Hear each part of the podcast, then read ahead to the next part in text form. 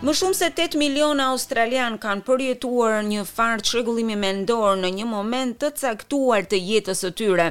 Për herë të parë në më shumë se një dekadë, Byroja Australiane e Statistikave ka lëshuar të dhëna shumë të rëndësishme të cilat tregojnë se sa australianë preken nga sëmundjet mendore. Ndjekim raportin.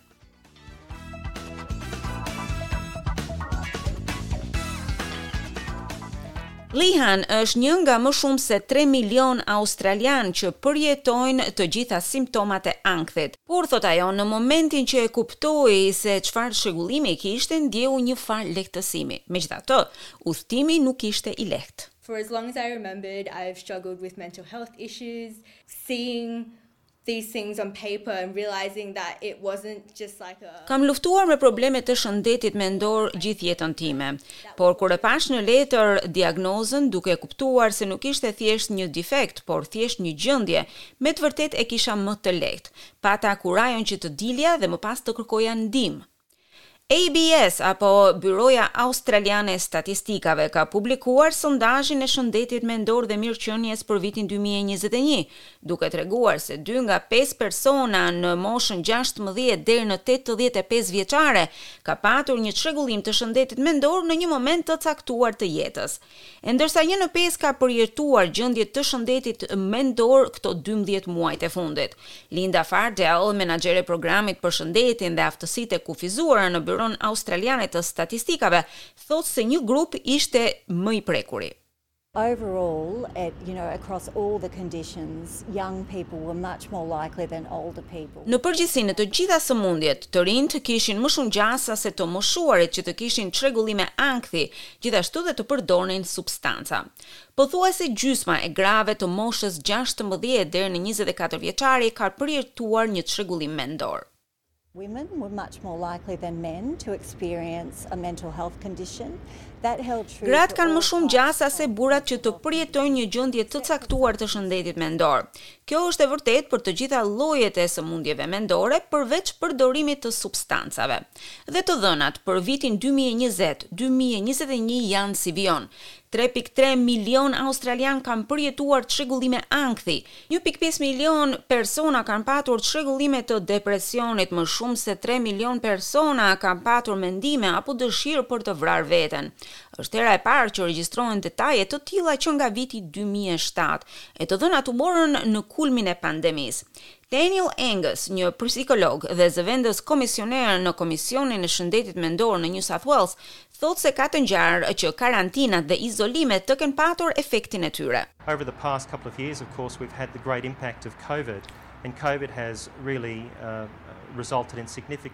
Gjatë dy viteve të fundit kemi patur ndikimin e Covid dhe Covid me të vërtetë ka rezultuar në një prekje të rëndësishme të shëndetit mendor për të gjithë personat në komunitet. Sondazhi vërtetoi se ka patur një rritje të numrit të personave që kanë kërkuar ndihmë mjekësore për sëmundjen mendore, Më shumë se dy milionë persona, pothuajse gjysma e të gjithë australianëve, kanë përjetuar çrregullime në një moment të caktuar, e ata kanë kërkuar mbështetje profesionale përpara se të bëhej sondazhi.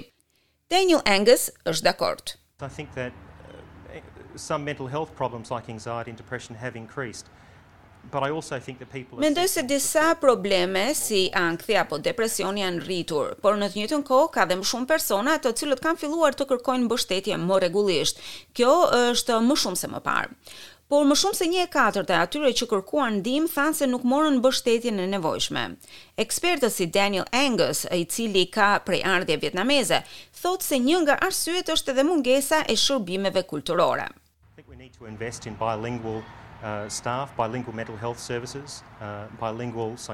Mendoj se duhet të investojmë më shumë në staf dygjuhësh, në shërbime dygjuhëshe të shëndetit mendor, në psikologë që flasin dy gjuhë. Duhet të bëjmë më shumë në drejtim të ndërtimit të besimit mes komuniteteve dhe shërbimeve shëndetësore, në mënyrë që një person që vuan nga një sëmundje mendore të ketë besimin e duhur se do të marrë ndihmën e nevojshme. Është diçka që dhe Lihan e ka përjetuar më parë. Me një prejardhje kinezo-australiane, ajo thotë se ndjente stigmë nga komuniteti i saj, gjë që e pengonte për të marrë ndihmën e nevojshme. Once I started seeking treatment like seeking clinical treatment I had to shop around a bit for a psychologist that understood my experience. Kur fillova që të kërkoja trajtim, u desh që të kërkoja dhe një psikolog që e kuptonte përvojën time, sepse të përjetosh shëndetin mendor si dikush që është refugjat apo emigrant, ka një farë ndryshimi nga pjesa tjetër e komunitetit. Lihan është gjithashtu edhe vullnetare me Headspace, duke iu bashkuar një fushate të nisur kësaj jave për të ndihmuar të rinjtë e tjerë me prejardhje emigrante dhe shumëkulturore që të kërkojnë mbështetje rreth shëndetit mendor. Ajo thotë se e ndjen veten mirë. I found that self advocacy really helped my journey, helped me feel more confident about. Kam zbuluar se vetëmbështetja më ndihmoi në rrugëtimin tim. Më ndihmoi të ndihesha më e sigurt rreth përvojës sime, e natyrisht isha në gjendje dhe të ndihmoja të tjerët. Dëgjuesit që kërkojnë mbështetje dhe informacion rreth shëndetit mendor mund të kontaktojnë Lifeline në një tre një një një katër ose Beyond Blue në një tre zero zero dy dy katër gjashtë tre gjashtë.